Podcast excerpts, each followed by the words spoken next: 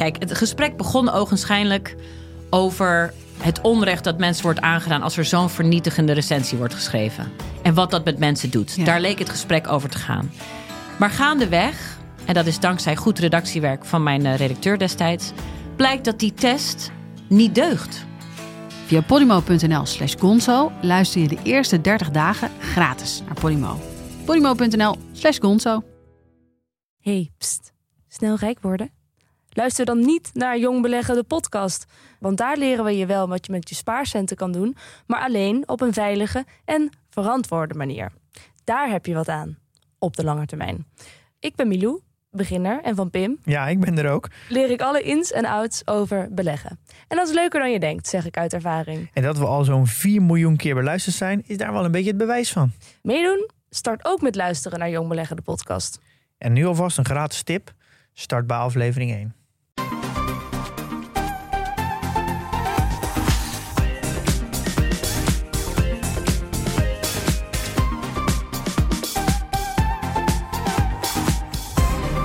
Welkom bij de Bright Podcast van woensdag 28 april. We praten hierbij over de trending topics in tech van deze week. Mijn naam is Floris en aangeschoven vandaag zijn Erwin. Hey. Tony. Yo. En Bright e-bike expert David. Hoi. Ja, David is van de partij omdat we het gaan hebben over e-bikes. Er zijn ongelooflijk veel e-bikes uitgekomen de afgelopen jaren. En David blijft de mooiste en de beste testen. Wat zijn de laatste trends? Verder vandaag, de PS5 verkoopt sneller dan de PS4. Instagram komt met een influencer marktplaats. En Zoom gaat videobellen wat leuker maken. We gaan beginnen. Ja, e-bikes dus. Want voor zover dat nog niet gebeurd is, is de e-bike het afgelopen jaar echt definitief eh, doorgebroken. De e-bikes waren niet aan te slepen maandenlang. Je moest echt op een wachtlijst. En als tester en ook liefhebber van e-bikes, David, had jij die populariteit verwacht? Nee, eerlijk gezegd niet, eh, niet zoals het nu gaat. Dat je gewoon moet wachten op een e-bike, dat ze niet aan te slepen zijn, dat de fabrikanten worstelen met eh, de toevoer. Dat eh, heeft al mijn eh, verwachtingen overstegen. Ja, we zien het ook wel een beetje trouwens aan eh, ja, de populariteit van, eh, van de video's die we maken over e-bikes. Jij maakt daar veruit de meeste van. Eh, dat, eh, dat, ja, dat blijft ook maar groeien. Dat is wel opvallend. Ja, ik vind het vooral ook ver- verrassend dat het imago van die e-bike helemaal veranderd is. Vroeger was het een elektrische rollator en dan keek men neer op die e-bike van dat is voor oude mensen. En nu is het gewoon hip. Ik bedoel, er worden meer e-bikes verkocht dan stadsfietsen. Dat had ik echt, echt niet verwacht. Nee, klopt. Dat, we zijn dat Sparta-Met-tijdperk wel ligt ver achter ons. Al zijn ze er nog steeds, hè, die, eh, die e-bikes met zo'n cassette onder de bagagedrager. Maar goed, ja, dat zijn Ja. ook nou uitgerekend niet degene waar wij, eh, waar wij voor vallen. Nee. Nee, want eh, met, met die doorbraak van de e-bike is er dus ook veel meer gekomen dan inderdaad die, die e-bike met zo'n cassette onder de, onder de bagagedrager. Er is meer keuze voor iedereen een e-bike naar wens. En eh, wij doen er met onze koopgids Bright Stuff doen wij mee aan die differentiatie die er eigenlijk is, eh, is gekomen de afgelopen jaren. En daarom hebben we ook de categorie e-bikes opgesplitst in twee subcategorieën: City en Sporty. Ja, klopt. Eh, kijk, Bright Stuff, misschien nog heel even voor die, voor die mensen die het nog niet kennen. Dat is onze koopgids. Daar houden wij permanent bij welke producten wij in diverse categorieën aanraden. Dat zijn producten die we allemaal zelf, eh, of een van ons, heeft getest. Die we, ja, die we echt van harte kunnen aanbevelen. En we doen dat ook wat anders dan pak een beetje een consumentenbond die eens of twee keer per jaar eh 30 wasmachines test en dan zegt van nou dat is de beste koop of dat is eh, het beste product. Hè, wij houden het in die zin eh, wat overzichtelijker. Eh wij raden permanent in elke categorie drie producten aan. Eh, die, die, eh, bij alle drie eh, zit je goed. Eh, er zitten soms wat nuanceverschillen in, in prijs bijvoorbeeld of in platform. Eh, maar inderdaad, eh, we hebben, we hebben de opkomst gezien van e-bikes die eigenlijk ja, verstoppen dat ze e-bikes zijn. Hè. Je ziet die accu's niet meer zitten. Dat was eigenlijk denk ik de doorbraak. Zo hebben wij dat een paar jaar ook in onze koopgids... hebben, heeft die categorie er bestaan, hè, de, gewoon de, de e-bike. Maar ja, ook, ook, eh, ook die markt ont- heeft zich verder ontwikkeld eh, de, de laatste jaar, anderhalf. En eh, daarom splitsen we het nu ook op, ook op ingeven van David... eh, in twee subcategorieën. City en, en Sporty. Nou, Sporty, eh, dat, eh, hè, dus dat is de wat sportievere fiets. Zit je wat meer voorover. Je leunt wat meer op je stuur. En City, ja, dat, dat zegt het al. Het lijkt wat meer op de oude stadsfiets. Die zit wat rechterop. En, eh, en zo, ja. Ja, ik ben ook echt heel blij dat we dit gedaan hebben. Want ik worstelde er een beetje mee dat... eh, ik zal het voorbeeld nemen van mijn favoriete fiets. Dat zijn namelijk op dit moment de Specialized fietsen. En dat is mijn favoriete fiets. Ik heb natuurlijk niet elke e-bike ooit getest. Maar... Maar wel ik, veel, eh, Dave. op- ja, ik heb er ondertussen heel wat eh, getest. Minstens 30. Maar ik... Is het zoveel al? ja, ja, ik heb ze geteld. Ja, ik heb ze hier voor me. Ja, het zijn er meer dan 30. Wow. Wist ik zelf niet. En ik ben ook vergeten wat, eh, wat de eerste e-bikes waren. Kan ik me niet eens meer herinneren. Nou, Tony, wat was dat? Nou ja, we hebben wat, wat, wat kleinere merken. De Eagle e-bike tien jaar geleden. En Spiked was een Nederlands bedrijf. Spike met een, herinner Ja. ik me nog, ja. Nou, dan hebben we het dus echt over tien jaar terug. was echt... eh, dat was echt wat jij net zei, Erwin. Eigenlijk een van de eerste e-bikes die eh, niet dat oudbollige karakter rollatorgehalte had. Dat was ook een Nederlands merk. Eh staan me bij dat ze een snaaraandrijving hadden. Staan me bij dat ze achter eh, een automatische versnellingsnaaf hadden. Maar hij was ook mooi. Dat was zo'n beetje voor het eerst dat ik dacht... hé, hey, Nou, dat is toch een mooie soort, fiets. eh, soort je- spijker van de e-bike, zeg maar. Ja, ja Nou, ik zo, zoiets. Ik iedereen kan de details niet helemaal Je meer zou echt even moeten kijken naar die video. Want dat, ja, wat jij je herinnert als mooi, nou, dat vinden we nu eigenlijk er al totaal niet meer uitzien. Nou, als ik even terugkom op, op waarom ik zo blij ben eh, dat we nu Sporty en City hebben. En ik gaf al aan, Specialized zijn eh, op dit moment mijn eh, favoriete e-bikes. En ik zit natuurlijk altijd te wachten op de volgende favoriete e-bike. Maar ik worstelde met het feit dat ik voorheen, toen we nog maar één categorie hadden, slechts één de beste kon noemen. Maar de ene fiets is geschikt voor dit en de andere fiets voor dat. En in die verschillende categorieën kan ik dus nu ook echt een, in beide categorieën een favoriet hebben. En Dat is de reden dat ik daar blij mee ben. Hey, want Dave, wat, wat, wat zijn dan nu... eh, welke e-bikes staan er dan eh, nu in de nieuwe subcategorieën? Wat zijn Nou, de met- beste e-bikes op dit moment? Ja, als ik de categorie, eh, met de categorie Sporty begin, dan staat daar in de Cowboy 3. Ja, dat vind ik gewoon een hele mooie eh, sporty fiets. Hè? Lekker rap. Daar wil je echt mee door het verkeer razen. Hij had ook een heerlijke eh, trapondersteuning. En hij was redelijk geprijsd, rond de 2300 eh, euro. Dan hebben we de Mokumono Delta S. Heel uniek ding. Een frame wat uit plaatmateriaal bestaat. Het is gebaseerd op eh ja, fabricage-technieken uit de auto-industrie. Het is gewoon een heel uniek, mooi ding. Dutch design, eh, sportief, Ja. maar ook comfortabel. Precies, want we hebben die jongen, hè, Bob, eh, die hebben we al echt al jaren gevolgd. Hij heeft hier, ja, hij heeft hier een tijdje over gedaan, hè? Want jij, hebt toch, jij had al een interview en een andere fiets van ze toch gedaan? Of Ja, ja, dat ja maar dat, hè, dat, dat, dat centrale idee van hen, hè, met, die, met dat plaatstaal, eh, dat, hè, want het was ook het was een zoektocht voor hen. Hoe kun je nou in, een e-bike maken in Nederland die nog enigszins betaalbaar is? Ja, Ja, dat was zeker omdat inderdaad- ze een klein bedrijf zijn ook. Hè? Ja, dus ja, het is voilà. een relatief kleine oplage. En eigenlijk door, die, eh, door dat fabrikageprocedé met, die, met dat plaatstaal. Nou ja, dat ik bedoel, ja, het zijn, het zijn niet de goedkoopste. Hè, met, eh, wat kost die geloof ik? 3000 euro toch? Ja. Maar Ja, toch, het is ook niet de duurste. Nee, en het is ook Nee, deels en dus voor- in Nederland gemaakt eh, op die manier. Hè? Gefabriceerd. Ja, Ja. mooi. Ja, want wat is nou En precies voor het de verschil? luisteraar die dus. Nou, voor de luisteraar die even niet voor ogen heeft hoe dat er dan uitziet. Dat frame is geperst. En normaal gesproken zijn het vaak buizen die aan elkaar gelast zijn. Dit is gewoon ja, echt plaatmateriaal in de vorm geperst. En daar hebben ze eigenlijk eh, ja, een heel uniek frame eh, van gemaakt. Ja. Wat is de derde hier, eh, Dave? Ja, dat is eh, een van die. eh, de beste fiets die ik ooit getest heb. En dat is natuurlijk de Specialized Turbo Fado SL 5.0 EQ. Oh, wat een lekker ding. Echt, ik kan het. Het is bijna niet te beschrijven eh, hier in de podcast, maar zelfs in de video vind ik het moeilijk. En dat heeft ermee te maken dat ik een groot voorstander ben van e-bikes die bijna niet aanvoelen als een e-bike. Meer alsof je gewoon continu wind in de rug hebt van de ondersteuning. En dat hebben ze bij Specialized echt tot op het allerhoogste niveau weten te tillen. En het zijn ook nog eens hele mooie fietsen. Maar er hangt natuurlijk helaas een prijskaartje aan. In dit geval 4600 euro. Ik durf het bijna niet. Ja, nou, gooi er maar een jingle in. nee, maar, Zo dat katje.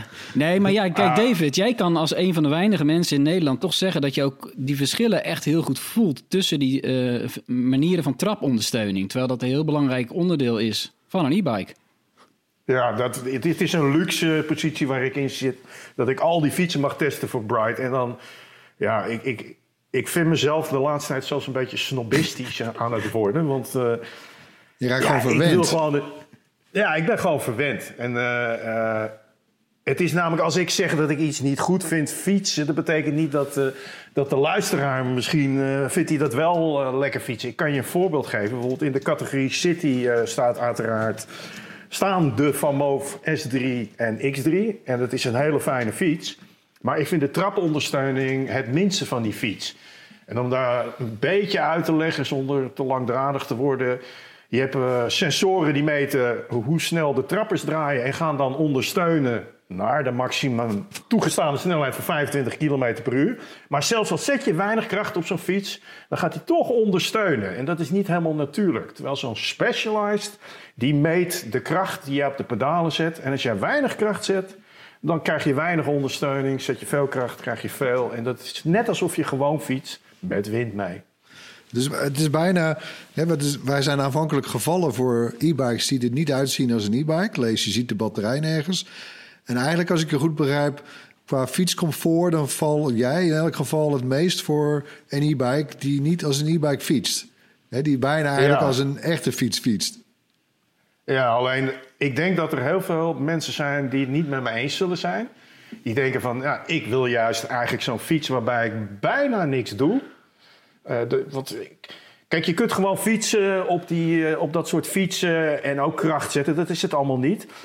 Maar het is meer bijna een brommer. Want je kunt ook gewoon de boel neppen door alleen maar de trappers te bewegen zonder enige druk op de pedalen. En dan gaat hij toch naar die 25 kilometer. En sommige mensen vinden dat gewoon fijner. Ja, ja dat is een goed Ja. verschil. Eh, goed Dat, is, dat zie je denk ik ook veel. Hè? Want ik heb nu vaak dat ik toch... Ik, in mijn hoofd wen ik nog steeds niet aan e-bikes.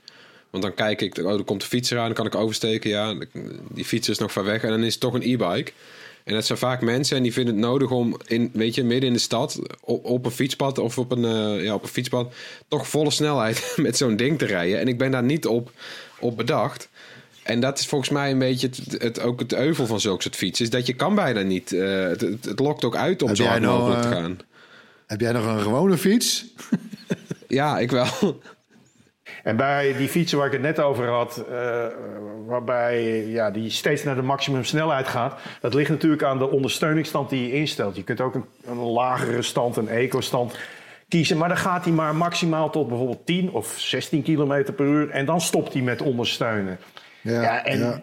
in mijn ervaring is, is dat gewoon op dat soort fietsen iedereen hem zo'n beetje op standje 4, de hoogste turbostand zet. En dus altijd te snel in het verkeer is. En met die andere fietsen, en dat is ook heel handig als je bijvoorbeeld eh, jonge kinderen hebt.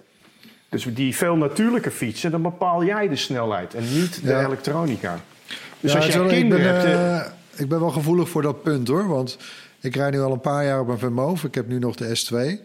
Eh, en die doet inderdaad precies zoals jij het omschrijft. Hè? Dus als je maar ook een beetje gaat trappen, dan gaat hij gewoon boem, volle bak. Ik heb trouwens mijn eh Vermoof app niet geüpdate. Dus ik kan er zelfs nog steeds 32 km per uur. En Zo. ja, het is eigenlijk, eh, het is eigenlijk inderdaad gewoon een beetje Dat een halve snorfiets natuurlijk. Ja, ja, ja. Nee, dat mag niet, maar dat doe ik lekker wel. Haha. En, Ja, eh, het, was, wel een heerlijke feature, hè? laten we eerlijk zijn. Eh, Ja, die turbo-knop en die feature. Voor de luisteraar, eh, de Van Moof die heeft, eh, had een functie... dat je naar de Amerikaanse snelheid kon. Oftewel, je kon eh, wat indrukken in de app... en dan ging hij naar 32 km per uur. Terwijl in Nederland mag je, in Europa trouwens... eh, maximaal 25 km per uur op een e-bike... En die 32, oh, dat was lekker. Maar dat hebben ze eruit gehaald met een firmware upgrade. Omdat eh, met name bijvoorbeeld in Duitsland allerlei mensen op van Moofs en dergelijke werden aangehouden. En die kregen forse boetes. Ja, en, en Van Moos niet de enige die dat gedaan heeft. hè. Eh, ook andere merken, eh, Cowboy. Ja, Cowboy had dat ook in het Ja, begin volgens heeft mij. het ook aangepast. Ja, ja, erg leuk. je zit dan een beetje tussen de toegestane snelheid van een e-bike en een speed pedelec in. Hè? Die speed Maar op de een of andere manier krijgt Erwin het voor elkaar om elke keer dat er een update is, dat dan weg te klikken of zo. Of niet, niet op eh, installeren te klikken. Nou, heb je geluk gehad. Nou, gewoon Gaat een die keer app mis hoor. niet Gaat een keer installeren. mis. Nee, ja, die heb niet, oh, niet open. En er is je- trouwens er ook een, ook- eh, een programmaatje. Maar dit is alleen voor de S3 trouwens, en de X3. Waarmee je eh, ja, de, de, de firmware eigenlijk een beetje kunt hacken. En eh, wat, wat, wat extra functies kan, kan openen.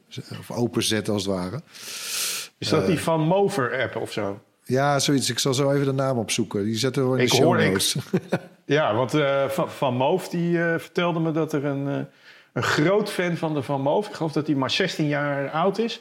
die heeft eh, reverse engineering gedaan... en heeft zijn eigen app geschreven... die je in de App Store gewoon kan downloaden. En ik denk dat dat die app is waar jij het over hebt. ja, Dat is wel mooi.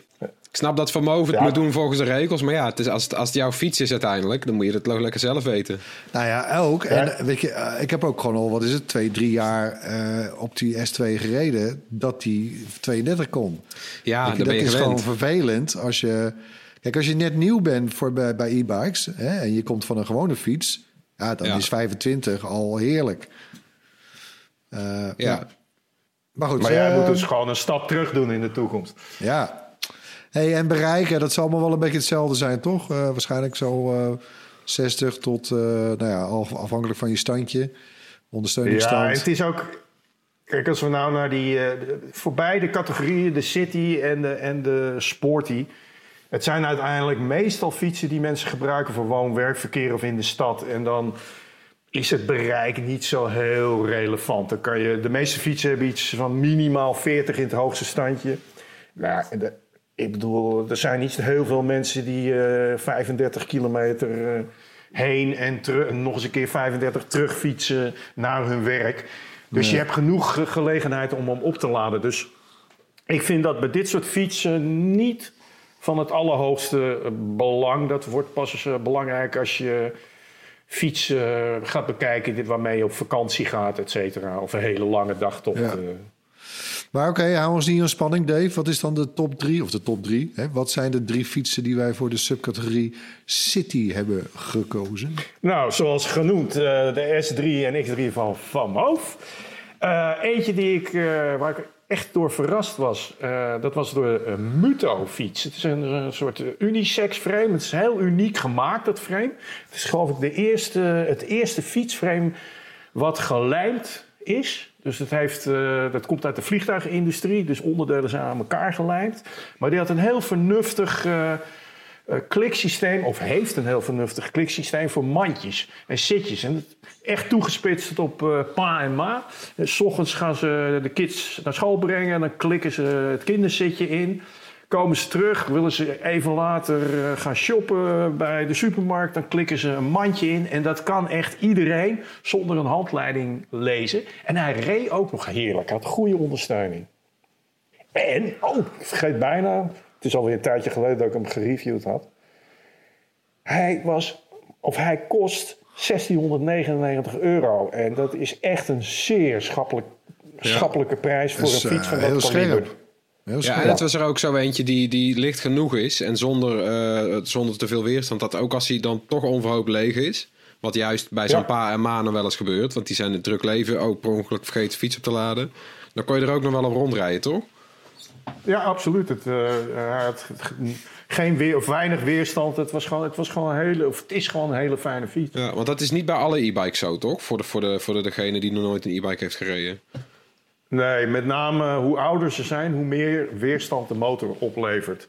Eh, en ik begin nu echt te merken dat eh, de wat betere e-bikes, eh, zelfs al staan ze uit, kan je er nog heel fatsoenlijk op fietsen. En dat is eigenlijk gewoon een verbetering in de technologie, waarbij die, als die motor uitstaat, ja, er geen frictie is in dat ding. Want dat, bij die oude e-bikes dan was het wel zo'n beetje dat je... Koffiemolen. Eigenlijk, nou, dan, dan, dan moest je enorme dikke benen hebben en heel sterk zijn om naar huis te komen. Zeker als je tegenwind had. Maar dan eh, mooi bruggetje naar de derde, want dat is die Specialized. eh, dat is weer een Specialized.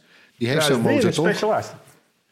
Ja, die heeft zo'n motor, net zoals die, eh, die andere Fado Specialized in de andere categorie. Ja, dat is gewoon een fiets met heel weinig weerstand. Een hele kleine motor die Specialized speciaal heeft laten ontwikkelen. Met de meest natuurlijke fietsondersteuning eh, waar ik ooit op gefietst heb. En het is ook nog eens een hele mooie fiets om te zien. De Como Eh, hebben we het over, ik- hè? Ja. Ja, we hebben het over de Como eh, SL 5.0. Eh, en ja, je zit gewoon lekker rechtop. Hij heeft standaard een, een kunststof mand. Dat klinkt lelijk, maar in de praktijk vond ik het eigenlijk best wel mooi en ook heel praktisch. Hij heeft een instapframe, dat is echt voor man en vrouw. Ik denk dat vrouwen hem erg mooi vinden. Dat zie je ook een beetje aan hun eh, reclame. De, de, de vrouw eh, zie je meer terug dan mannen op de Como. Maar het is echt mijn fiets. Ik zou hem zo willen hebben. Oh ja, en het is ook de eerste Specialized met een tandriem aandrijving. En Oeh, dat lekker. betekent, ja, geen vet aan je broek. Geen kettingen meer hoeven te spannen. Geen kettingen die eraf kunnen lopen. Ja, het is sowieso een trend in eh, fietsland dat eh, steeds meer eh, fietsen met zo'n tandriem uitgerust worden. Wat helaas ook wel eens een trend is in fietsland, is weer de prijs van die Specialized. Die is. Ik wil deze fiets, maar hij kost 3999 euro. Ik kan het niet betalen. Ik vind het zo jammer. Maar het vind ik wel typisch, hè? Want de prijs van vermogen hebben we nog niet genoemd. Hè? Maar de S2 die kostte nog 3000 euro. De S3 en de X3 dus, hè, die zit nu gewoon op een hele nette 2000 euro. Hè, dus ook dankzij hun Ja. eigen fabriek en zo. En, maar eh, ja, zijn het dan echt die dingen als eh, zo'n tandriem en alles die... Ja, en zo'n eigen ontwikkelde motor dan bij, bij Specialized die zo'n prijs veroorloven. Want ik vind het bijna speed pedelec prijzen. Ja, dat zijn ook eh, speed pedelec prijzen. Ik denk dat het eh, in de software, nou ja, hoewel bij de Van Moof hebben ze, dat is één brok vernuft. Eh, ja, ik denk wel dat de specialized eh, hoogwaardige, hoogwaardige componenten, moeilijk woord zeg, componenten gebruikt, zoals de remmen. Hoewel dat bij de nieuwe Van Moofs toch ook allemaal heel mooi is. Ik, ja, ik weet het verdienmodel niet. Ik weet wel dat die motor, die hebben zij echt helemaal speciaal ontwikkeld. En dat is een middenmotor. Terwijl de Van Moof, die, eh, die heeft een voorwielmotor. En dat is de allergoedkoopste technologie voor e-bikes. Dus Ja. op die manier kunnen ze onder andere die prijzen drukken. Maar ja, daarentegen heeft Van Moof weer een hele hoop vernuft eh, ingebouwd. Dat, ja, dat kost ook eh, het nodige. Ik, het is heel knap wat ze voor elkaar gekregen hebben. Ja, want wat, wat hè, bijvoorbeeld eh, Tesla is natuurlijk ook niet meer de enige elektrische autobouwer. Eh, maar nog steeds een eh, grote USP van dat merk is dat eigen netwerk met laadstations.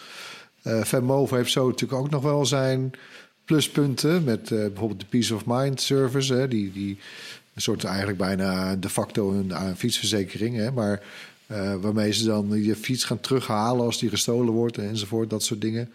Je kan er ook fietsen Wat bij jou niet lukte, hè? dat moeten we nog, moet ik toch even noemen, Erwin. dat jouw fiets Ja. werd gestolen. Ja, vertel het maar. Nou ja, ik had. eh, Oké, eh, even tussendoor. Ik had inderdaad een van de eerste S2's wereldwijd. Ik woon in Amsterdam.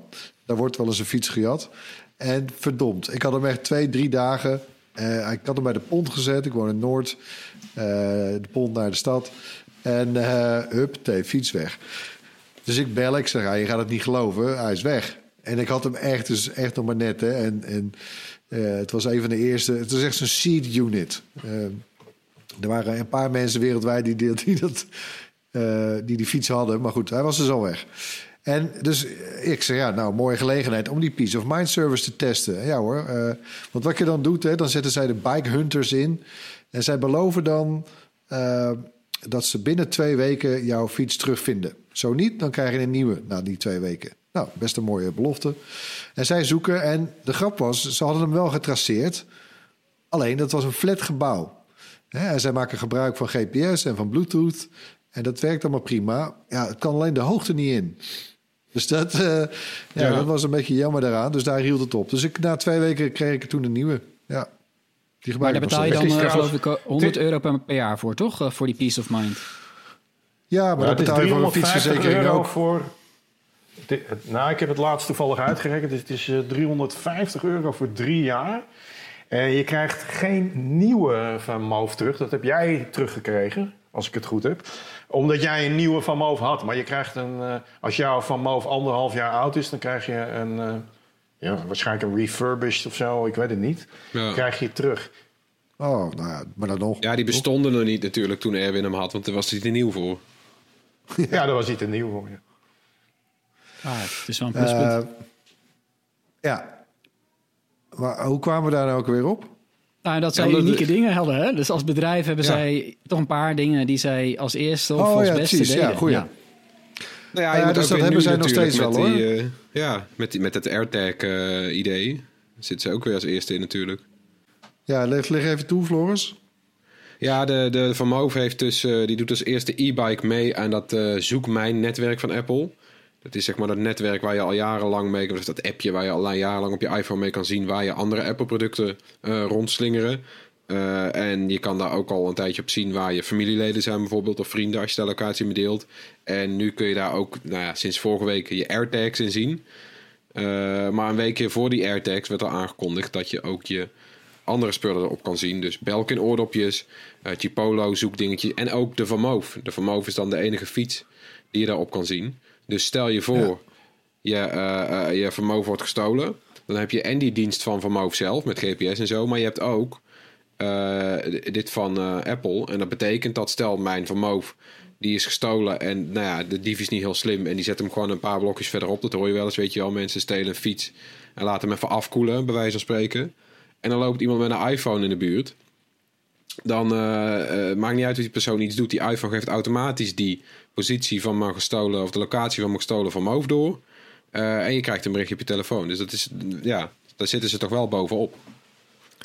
Ja, ik Ja. zie het meer als een eh, zelf kunnen traceren. Dat kan je trouwens niet met eh, het anti-diefstal systeem van Van Moof wat ingebouwd zit. Als hij dan gejat wordt, dan moet je dat dan eh, via de app aan, eh, aan Van Moof melden. En dan, gaat, zoals Erwin al uitlegde, gaan die bike hunt- hunters Ja. erachteraan. En eh, met de Find My kan je hem echt terugvinden. Dus eh, mocht jij onverhoopt een kroegentocht gemaakt hebben... en je fiets ergens halverwege de kroegentocht... eh, Echt, echt nog nooit meegemaakt. en niet meer nooit. weten. Nou, dan ben je wel blij met Apple Find My. Dat kan ik je garanderen. En ik, Ja. ik heb trouwens... Ik heb ooit, voordat ze elektrische Van Moofs uitbrachten... had ik eh, een, eh, een beenkracht van Moof, om het zo maar eens te zeggen. En toen ben ik eh, waarschijnlijk, denk ik, naar de Albert Heijn gefietst. Heb ik zit, eh, geshopt, kom de Albert Heijn uit en ben ik naar huis gelopen. Eh, helemaal vergeten dat ik op de fiets eh, ben gegaan. en, en die fiets heb ik waarschijnlijk daar een week laten staan. En die is of weggehaald of gejat, dat weet ik niet. Ja, dan is Find My, Apple Find My op een Ja. fiets ideaal. Het klinkt Ja, heel precies herkenbaar hetzelfde. wat je nu zegt, David. Ja, ik heb ja. precies hetzelfde een keer gedaan. Een vriend van mij is ook hetzelfde overkomen. Maar die fiets die stond er dus nog een half jaar later. Hij dacht echt dat hij gehad was. Ja? En dan komt op een gegeven moment de Albert Heijn uit. En hij denkt, is dat nou mijn fiets? Ik weet niet in welke plaats dat was, maar niet hier in Amsterdam. Rotterdam-Zuid. Hm, nou, Maar was een lelijke fiets, hè? Was geen nieuwe fiets. Ja. en als we dan kijken naar de vraag van e-bikes. eh, ja, we zien dat die vorig jaar toch heel groot was. En bijvoorbeeld een speler zoals Van Moof, waar we het hele tijd over hebben. Die werd daar echt wel overvallen door die, door die grote vraag, toch Dave? Ja, enorm. Eh, in eh, april 2020 eh, hadden zij een piek. Toen waren ze uitgekomen met die nieuwe S3 en X3. En toen verkochten ze maar liefst eh 7 of 8000 fietsen per maand. Terwijl ze nog gewend waren om er zo'n 2000 per maand weg te zetten. Ja, dat overviel ze op alle fronten. Ze hadden bijvoorbeeld ook pech dat ze een bepaalde doos hebben gekozen om, de, om dat ding te verschepen. Eh, en dan bleek dat een heel groot percentage van de van die eh, in het begin arriveerden beschadigd waren. Nou, dan kan je wel uitrekenen wat er dan gebeurt. Dan gaat iedereen bellen. Dus een klantenservice werd helemaal overspoeld door, eh, door belletjes van mensen die beschadigde fietsen hadden. Maar er waren ook allemaal allerlei kleine kinderziektes in de, in de hardware van de fiets zelf. Ehm, en dat was zoveel groter dan ze zelf verwacht hadden. The Verge heeft in eh, september vorig jaar een interview gedaan met eh Ties, een van de twee broers die achter Van Moof zitten. En daarin heeft eh Ties moeten erkennen dat ze hadden verwacht dat 1% eh problemen zou opleveren van die nieuwe fietsen. Dus dat 1% van de mensen de, de customer service, de klantenservice zou bellen. Maar dat benaderde de 10%. Ja, dat is enorm. Zo, één op de tien fietsen moest ongeveer terug of er was iets mee eigenlijk. Ja, de, de, de, er waren klachten over bijvoorbeeld uh, rare cryptische foutmeldingen op de display. En dan deed je fiets het niet en bleek later iets in de bedrading te zijn. Maar jij had toch ook uh, op je S2 dat je, uh, wat was het? Die, de, boost, de boostknop, hè? die was om de havenklap stuk eigenlijk. Ja, het was een bekend verschijnsel bij de S2 en daar hadden ze de bedrading al aangepast. En nu hadden ze kennelijk weer nieuwe problemen met die foutmeldingen opleverden. Ja, en zo waren er gewoon een aantal dingen die niet goed gingen. En dan ook de pandemie en het aanleveren van die fiets überhaupt. En dat geldt niet alleen voor Van Movel, maar dat geldt voor de hele industrie. Hè. Want Tony, jij, jij, volgt ook die Van groep toch op Facebook? Ja, ik zit in allerlei groepen. Ook van apparaten die ik zelf niet heb. Gewoon uh, vind ik interessant om te volgen. En bij Van Moof is het één grote klaagzang. Elke dag komt er een bericht van iemand die boos is. Het lijkt mij best wel zwaar voor, om daar bij de klantenservice te zitten. Uh, om die reden. Terwijl ze daar, ja, ze kunnen daar niet altijd iets aan, aan doen. Het is een heel klein bedrijf. En dat wordt klein. dan Ja, relatief klein. Want zij staan in Nederland niet eens in de top 10 van fietsmerken. Het is een klein bedrijf van Moof. Ja, maar ze zijn wel, uh, om je indicatie van die groeistuipen te geven... ik geloof dat ze nu 600 man in dienst hebben. En uh, toen wij begonnen met de review, uh, de, de, eerste van Mooft, uh, waren ze met een mannetje of vijf. Dat is, ja, nee, natuurlijk. Ik ben blij dat ze er zoveel mensen bij hebben. Maar ja, er zijn natuurlijk partijen die zijn nog vele malen groter, ook in Nederland. Dus, ja, maar 10%, 10 uitval, dat is natuurlijk een nachtmerrie ja, van elke producent. En dat, dat, dat, dat verbaast me ook over dat je toch dat, niet de indruk hebt dat het merk daar heel erg onder leidt. Nog niet, maar dit had niet te lang moeten duren. Want er gaan natuurlijk, wij ontvangen die signalen wel allemaal. En mensen praten met elkaar, toch? En op een gegeven moment krijg je toch een slechte naam als merk. Nou, maar in dat, dat was zo opvallend in dat interview van september vorig jaar. Dat ze er heel open over waren wat er allemaal mis was. En ze hebben natuurlijk miljoenen opgehaald met investeringen. Ik weet de bedragen niet, maar ergens rond de 40 miljoen. En een fors deel, zeiden ze in september al van, dat gaan we in uh, klantenservice stoppen. Ze zijn bezig met veel meer uh, uh, bike doctors, meer steden waar je, waar je of meer steden waar je met een vermogen naar, de, naar hun servicepunt kan gaan, et cetera, et cetera. Ja, dus ze willen ik ook, denk dat we nu fietsenwinkels toch hè, gaan trainen om, want Venmoof zijn best wel een beetje bijzondere fietsen met overal eigen dingetjes en zo. En ze gaan ook fietsenwinkels trainen toch, hè, zodat die Venmoofs kunnen servicen. Ja, dat, dat wist ik eigenlijk nog niet eens. Ja, dat is ja, ja, ja. Mijn, uh, mijn, mijn vaste fietswinkel, ja, inderdaad. Om de hoek bij mij, uh, om de hoek van mijn huis zit een fietswinkel waar ik altijd naartoe ga. En die uh, is een jonge jongen en die heeft ook gewoon, die heeft zo'n plaatje nu aan zijn raam hangen van Move, ja, zeg maar certified repair punt. Dus die kan en mag en die heeft ook de onderdelen liggen om, om van Move te kunnen repareren. Ja, dat is wel een goede ontwikkeling hoor. Want laten we wel zijn, van Moof, ze hebben één winkel in Nederland. Ze hebben er nu een stuk of, geloof ik, twintig wereldwijd, zoiets. Maar, en dat groeit wel, maar ja, één winkel voor heel Nederland. Weet je, dat, dat, dat, dat, gaat, dat, dat werkt natuurlijk niet. Mensen vinden dat eigenlijk ook niet prettig. Want voor elk wisselwasje eh, ja. ja. moet dan die fiets worden opgestuurd. Ben je weer een paar maanden kwijt. Ja, ja het is een interessant dus moment voor ze. Ze zijn nu echt op het punt van inderdaad van, van zo'n kleine... Ja, ze zijn eigenlijk van start-up aan het uitgroeien tot wereldbedrijf. En dat gaat met groeipijn. Ja, ik heb wel de indruk dat, uh, dat de gevestigde merken wel... Uh, nee, dat zag je ook bij Tesla en de automerken. Ja. Die, die, de, de grotere merken zijn wel wakker geschud, geloof ik. Ja, heel duidelijk. Ik, uh, ik heb hier beneden nu een uh, Gazelle staan... Uh, die ik eigenlijk mooi vind en lekker fietst. Ja, terwijl een paar jaar geleden dat soort mainstream merken, hè, daar zijn we mee opgegroeid met Batavus, Sparta, Gazelle. Ja, die, als ze dan een e-bike uitbrachten, waren die dingen gewoon lelijk. En ik wil niet zeggen dat de fiets die ik nu aan het testen ben, Van Moof Cowboy, Muto, Mokumono designfiets is. Maar hij mag echt wel gezien worden en hij rijdt echt verrukkelijk. Hè. Ja, Specialized hè, is ook, ook zo'n merk. Ook een groot merk wereldwijd. Ja, alleen die prijzen, Maar jammer. ja, kijk, eh, die, ook die gazelles, die zijn niet echt eh, wat je eigenlijk verwacht. Je verwacht eigenlijk dat dat dan goedkoper is, omdat ze minder, eh, misschien iets minder designmerkachtig zijn. Hè? Ja. Maar ja, die onderdelen die daarin zitten, die zijn ook gewoon echt heel erg goed, toch, Dave? Dus die prijzen lopen Ja. alsnog wel ja, hoog op. En, en zitten in sommige gevallen eh kost zo'n e-bike ook evenveel als eh, een speed pedelec. hè. De snelle e-bikes die harder dan eh 45 km per uur kunnen 25 bedoel je. En die ja, maximaal de speed, de, 45 de speed mogen. pedelec die gaat 45 km per uur. Maar je hebt dus e-bikes die zijn net zo duur. Ja, ja.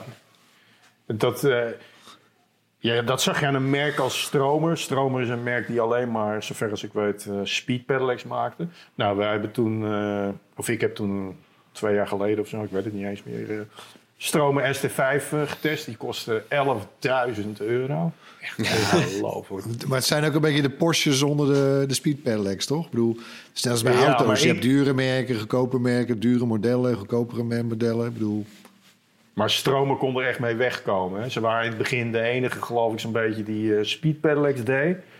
En ik heb een, eh, een vriend die heeft een eh, Stromer ST2. Nou, die loopt alleen maar te vloeken en te tieren op dat ding. Wat een waardeloze kwaliteit. Dan kan ik niet bevestigen of dat echt zo is. eh, maar die prijzen die eh, Stromer vraagt, die zijn buitenproportioneel. ja. Maar vandaag hebben we het niet over de... Dat moeten we nog even, toch even zeggen dan. We hebben het niet over de speed pedelecs in Nee. deze aflevering. Hè, dus hebben we dat een aparte categorie ook- voor. Ja, daar hebben we dus wel een aparte categorie voor. Dat is eigenlijk de derde e-bike categorie. Eh, daar, hebben we, daar raden we er ook gewoon drie aan. Ja, Maar we, we, we kwamen erop omdat eh, een merk zoals Specialized, maar nu ook die eh gazelle die ik aan het, fiets, eh, of aan het testen ben. En dat is een e-bike tot 25. Die, eh, ja, die hebben ook forse prijzen. En ondanks die forse prijzen ja, gaan die eh, e-bikes eh, links en rechts als broodjes over de toonbank. ja daar hebben we ook wat cijfers bij toevallig. Eh, Tony heeft wat cijfers verzameld van al die e-bike verkopen in Nederland. Want hoe staat die markt ervoor? Nou, vorig jaar eh, is het eh, zeg maar een soort omslagpunt bereikt in Nederland. Want jawel hoor, eh, meer dan de, iets meer dan de helft van de verkochte fietsen in Nederland is op dit moment gewoon elektrisch. Boing. Dus de, ja, dat is eigenlijk ook bizar als je over nadenkt. Hè? Dus van de nieuwe verkochte fietsen is gewoon de helft al elektrisch. En dit jaar, ja, is natuurlijk afwachten wat er gaat gebeuren. Maar 9% van de Nederlanders die heeft in een onderzoek gezegd dat ze dit jaar een e-bike gaan kopen. En dan, dan, dan kom je toch wel gewoon op echt ontzettend grote aantallen. Dat zou je 1, mil- 1 miljoen eh, e-bikes verkopen. Dat moet ik nog afwachten hoor. Maar, hè, want mensen Nou. zeggen het een en doen ze het ook. Maar het is wel een mooi, Wel, mooi wel aantal. opvallend trouwens, eh, Tony. Dus vorig jaar was eh, de populairste of het meest verkochte auto elektrisch. En we hebben dus eh, meer elektrische fietsen gekocht dan. Wauw. Ja, nee, dat is The ongelooflijk. year that we went electric. Ja, en als je dan kijkt naar van hoeveel, hoeveel kost dan de gemiddelde verkochte e-bike in Nederland? Want er zijn ook goedkopere modellen. We hebben er zelf ook ooit eentje getest, eh, David, hè, van eh, Decathlon. Ja, de sportwinkel. met- 799 euro. Ja, was ook nog oké, was te doen, toch? Herinner ik me. Zeker weten. Je krijgt eh, best waar voor je geld. Ja, en dus dan komt het gemiddelde eh, in Nederland van de verkochte e-bikes komt uit op een prijs van eh 2250 euro. En dan zie je dus eigenlijk dat een aantal van die fietsen waar wij het over gehad hebben, die rond de 1900, 2000 zitten, ja, die zitten gewoon netjes op het gemiddelde hoor. Dus eh, heel goed. Maar de marktleiders van al die verkochte e-bikes, dat zijn nog steeds wel de, de bekende traditionele merken. Gazelle en Sparta, die staan op één. Met eh, allebei 16% marktaandeel. Dus daar zie je ook wel aan af, dat is niet zo heel veel, hè, dat het een heel erg versnipperde markt is. Met op plek 4 Stella, ook een bekend merk vanwege een ontzettende hoeveelheid reclamespotjes. Hè? En plek drie Ja, dan? en de ontzettende rollator, lelijke. Die vind jij niet mooi, hè, die. Stella's? Oh, man. Wie is nummer drie dan trouwens? Nee, de Stella is nummer 3 en eh, dan Oh. nummer 4 is Batavus. Ja. Ja. Ja, dus dan heb je toch de grote jongens zitten al wel Ja. daar eh, ja, qua verkoopaantallen in. Want dit, is, dit gaat natuurlijk ook over alle leeftijdsgroepen. En ja, dan kom je op die eh, toplijst uit. En eh, waarom kopen mensen zo'n zo'n e-bike? Hebben ze ook onderzocht. Dat was ook wel leuk hoor. Eh, 50%, 51% die zegt ik koop een e-bike omdat het gewoon makkelijker is. Ja, lekker, lekker niet te hard, hard hoeven te trappen. De extra snelheid is een, een belangrijke factor natuurlijk. Dat je niet zo hard je best hoeft te doen. Eh, en we zien ook wel dat er steeds meer e-bikes worden ingezet uh, als vervoermiddel naar je werk. Nou ja, dat was vorig jaar natuurlijk met het openbaar vervoer. Nou ja, je wilde gewoon liever niet de trein in. Hè? Alles wat je zou kunnen gebruiken om op je werk te komen, maar niet uh, tussen iedereen te hoeven zitten. Ja, ja je ziet steeds, dus dat dat ook op komst ja. is. En wie en weet hoe lang het nog regelingen. Vergeet de fiscale regelingen, ja. die leaseconstructies niet. Dat is geloof ik ook in 2020 veranderd. Ja, dus dat, daar, daar heeft het ook wel een beetje mee te maken. Hè? Maar wij doen het nog niet zo goed als in Frankrijk. Want in Frankrijk hebben ze nu een nieuwe subsidieregeling. Dat als je een oud barrel hebt, een auto, die rijp is voor de sloop, zeg maar. Uh, als je die, uh, die kan je dan inruilen voor uh, 2.500 euro subsidie op de aankoop van een e-bike. Nou, dat is de gemiddelde wow. prijs van een e-bike. Is ja, wel top. Ik zou dan gewoon een sloop, zou ik al die auto's opkopen. Ja. Uh, inleveren, nieuwe e-bikes uh, ja. mee kopen met subsidie en dan een winkel beginnen. Nou, ga je gang. Het is een hele leuke tv-serie, denk ik. en uh, zijn Nederlanders tevreden over een e-bike? Dat is ook, ja, dat is ook wel grappig. In, zo'n in, in die onderzoeken dan vragen ze ook allerlei dingen. En een van die dingen geef je e-bike een rapportcijfer. Een 8,5. Nou, dat is eigenlijk zo. best wel goed. Dus mensen zijn ontzettend uh, tevreden. En kijken of dat over een paar jaar nog zo is als de accu het niet meer doet. Maar uh, dat blijft een issue. En nog één getalletje dan, want we waren getalletjes aan het afwerken. Leuk, mooi cijfer. Uh, hoeveel mensen hebben onze populairste e-bike video bekeken? En die is van november 2019. Van David natuurlijk. Van David. Met de, ja, die moet je echt even kijken. Daar legt David de verschillen tussen de. Nou ja, de, de we, zien allemaal het getal, uh, we zien allemaal het getal in het draaiboek staan uh, hier, uh, Tony. Maar... Ik komt hij. Ja, ach, bijna 800.000. En als alle luisteraars die hem nog niet gekeken. Ja, het is een ongelooflijk getal. Als alle luisteraars die die video nog niet hebben gekeken. Daarin wordt echt alles nog even in één keer uitgelegd. Het is echt een fantastische video. laten we samen ervoor zorgen dat die de eerste Bright video is met 1 miljoen kijkers. Dat zou ik gaaf vinden. Dat zou wel heel tof zijn, hè? Het gaat ja, lukken, Dave. Ik hoop het. Ja, en dan nog even terugkomend op, uh, op, op een ding dat jij vaak in die video's noemt, David. Uh, de plaatsing van de motor. Want we hebben het net al even gehad over die natuurlijke trapondersteuning. Er wordt dus ook al gevallen middenmotor, voorwielmotor. Wat is nou precies het verschil en wat zijn de voor- en nadelen? Nou, in grote lijnen heb je drie soorten motoren. Dus een achterwiel, een voorwiel en een, een middenmotor. En het is niet zozeer alleen uh, het type motor dat het karakter van de fietsondersteuning bepaalt, maar de sensoren die erin zitten. En daar hadden we het net al over. Hè?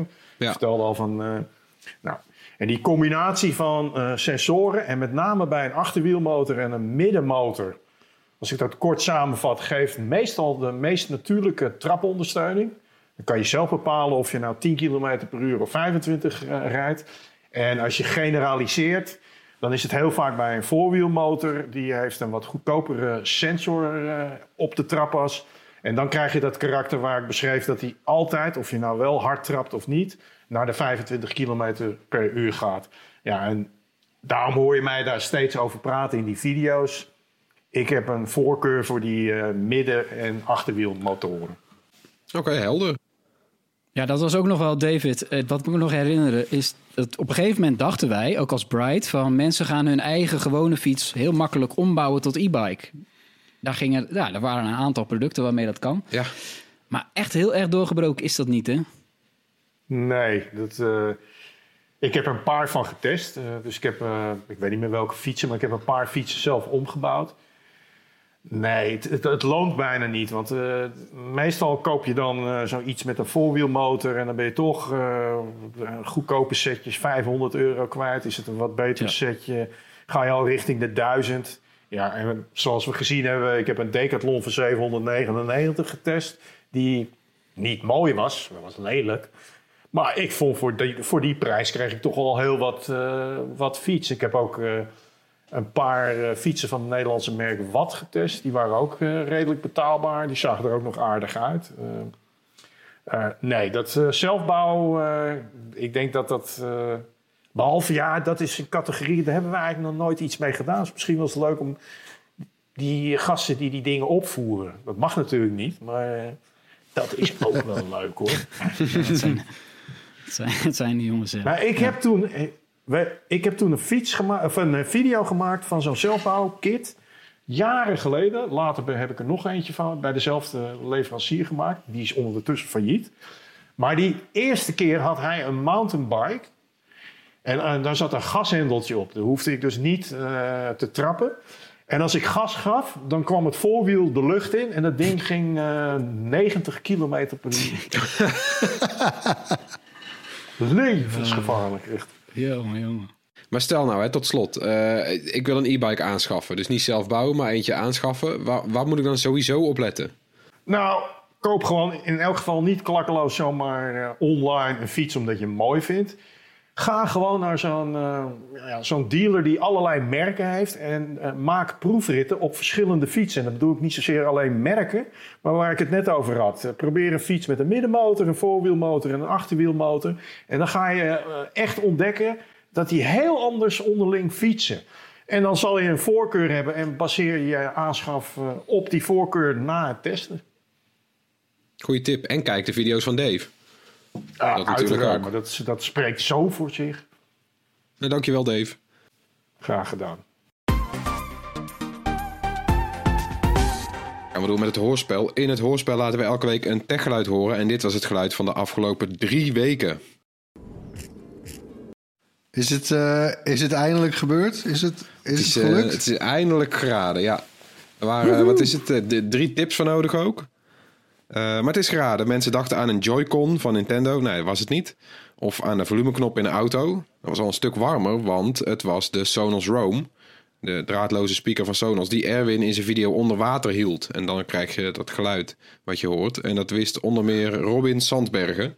Dus Robin heeft dat t-shirt gewonnen. Gefeliciteerd. Jee. Ja. Zo zie je maar, heel goed opletten tijdens onze video's. Precies. Kan je nog eens een keer een shirt eh, winnen. Zo is het. En eh, nou ja, wie weet komt het volgende geluid ook uit een van onze video's. Pin me er niet op vast. Eh, Komt-ie.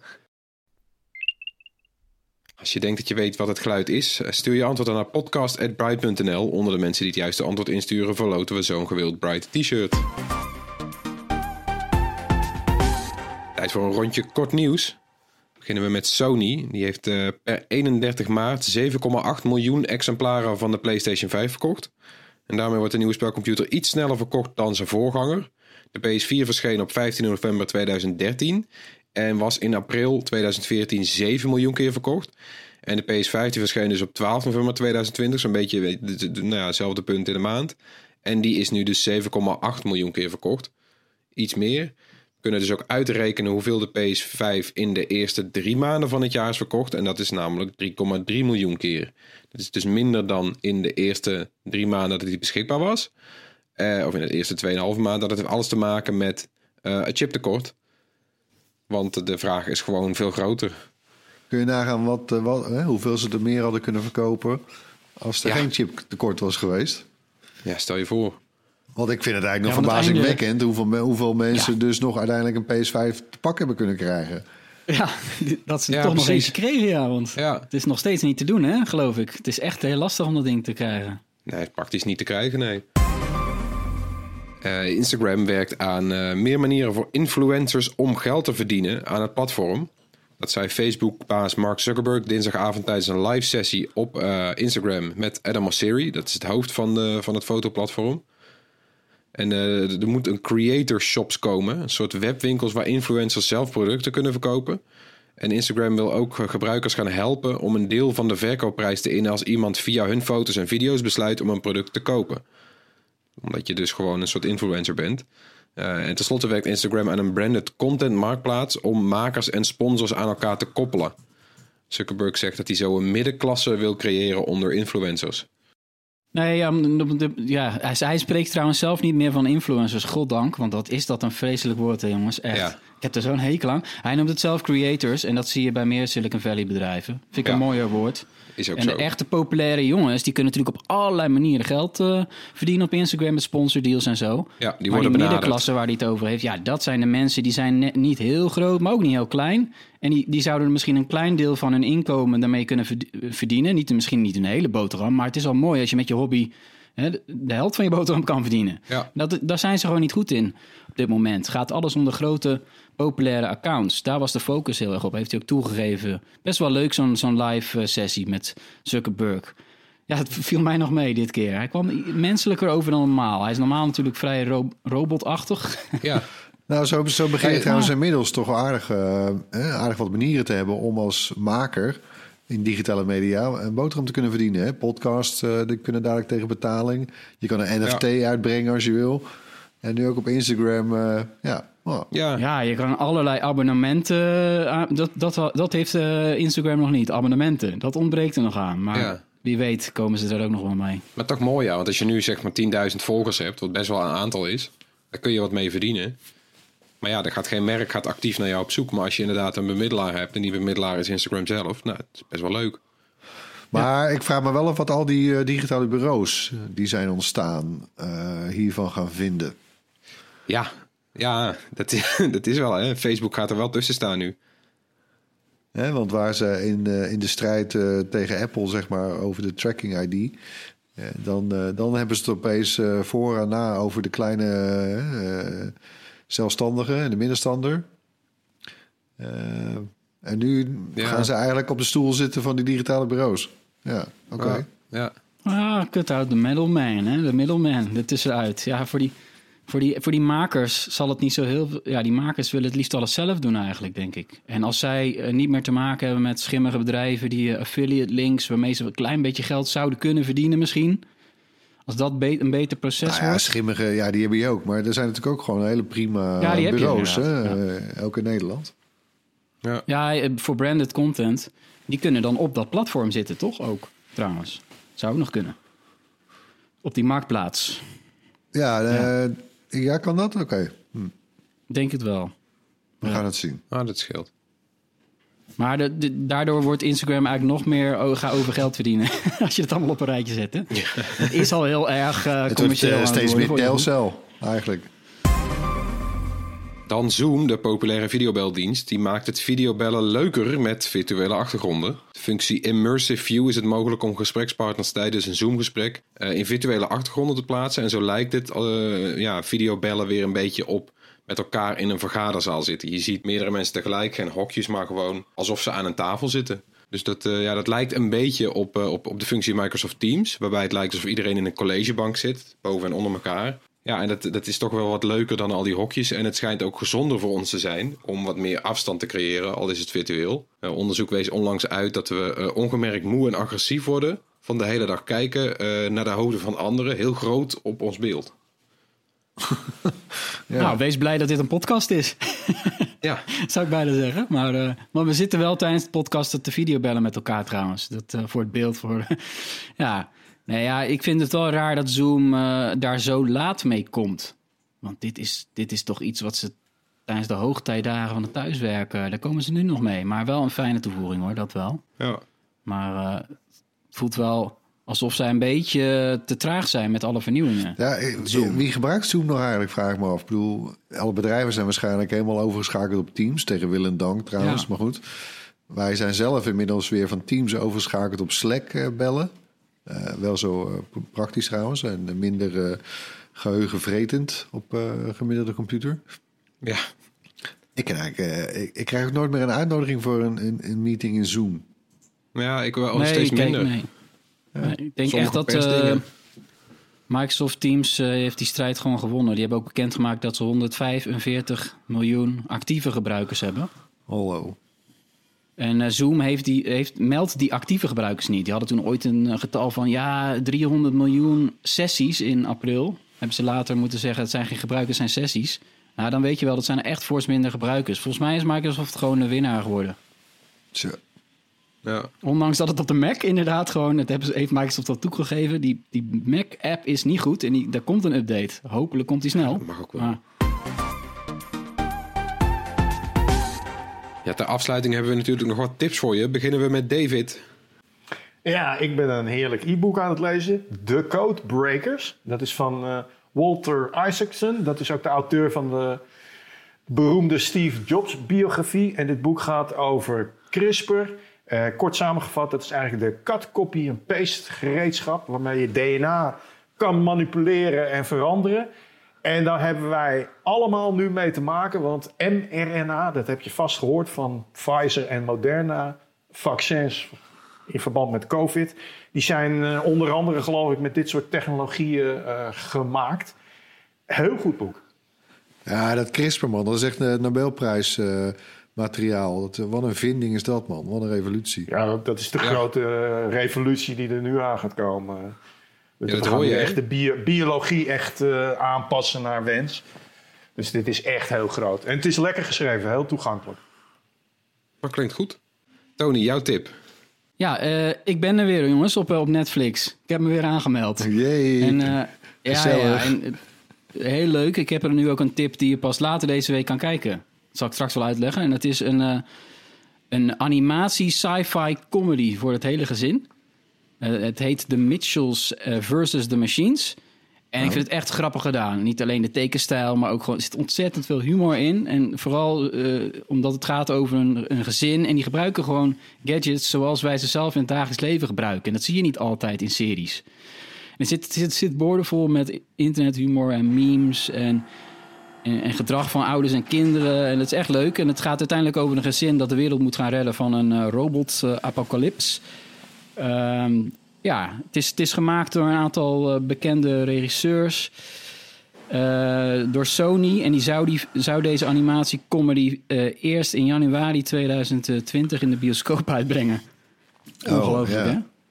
Ja, dat is toen uitgesteld en uiteindelijk nog een keer uitgesteld. Toen heeft Netflix het opgekocht voor meer dan 100 miljoen. Zo. Dus nu is eh The Mitchells vs. The Machines eh, op Netflix te zien vanaf eh, 30 april.